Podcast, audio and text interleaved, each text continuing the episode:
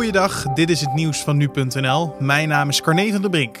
Noord-Korea ziet er weinig in om een persoonlijke band tussen de Noord-Koreaanse leider Kim Jong-un en de Amerikaanse president Donald Trump te behouden als de Verenigde Staten zich bezig blijven houden met vijandig beleid.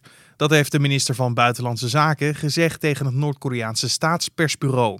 Volgens de minister laat Amerikaans beleid zien dat Washington een langdurige dreiging vormt voor Noord-Korea. Het land gaat erom militaire middelen ontwikkelen waarmee het de VS kan bedreigen.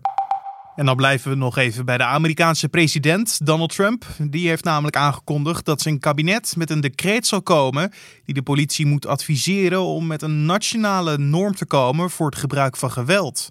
Aanleiding voor dit decreet is de dood van de zwarte Amerikaan George Floyd door politiegeweld en de daaropvolgende nationale en internationale onrust.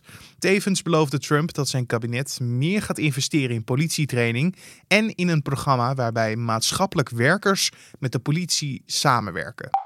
Het Poolse leger trekt zich terug uit een gebied in Tsjechië nadat militairen zich daar eerder deze maand per buis vestigden tot ongenoegen van de Tsjechische regering. Een hooggeplaatste militair meldt dit op Twitter. Er was volgens hem sprake van een misverstand en geen bewuste actie. Polen zou afgelopen maand een nieuwe grenspost op hebben gezet vanwege de coronamaatregelen. Hierbij werd naar verluid per ongeluk ook een weg naar een historische kapel die op Tsjechisch grondgebied staat afgezet.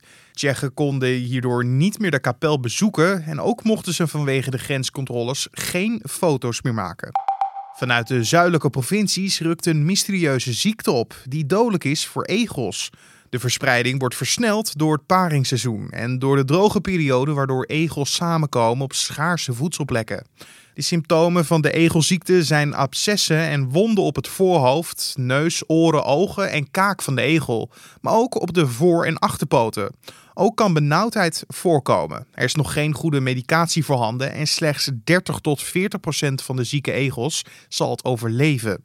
Momenteel is een werkgroep opgericht om alle informatie te verzamelen en de ziekte te onderzoeken. En tot zover de nieuwsupdate van nu.nl.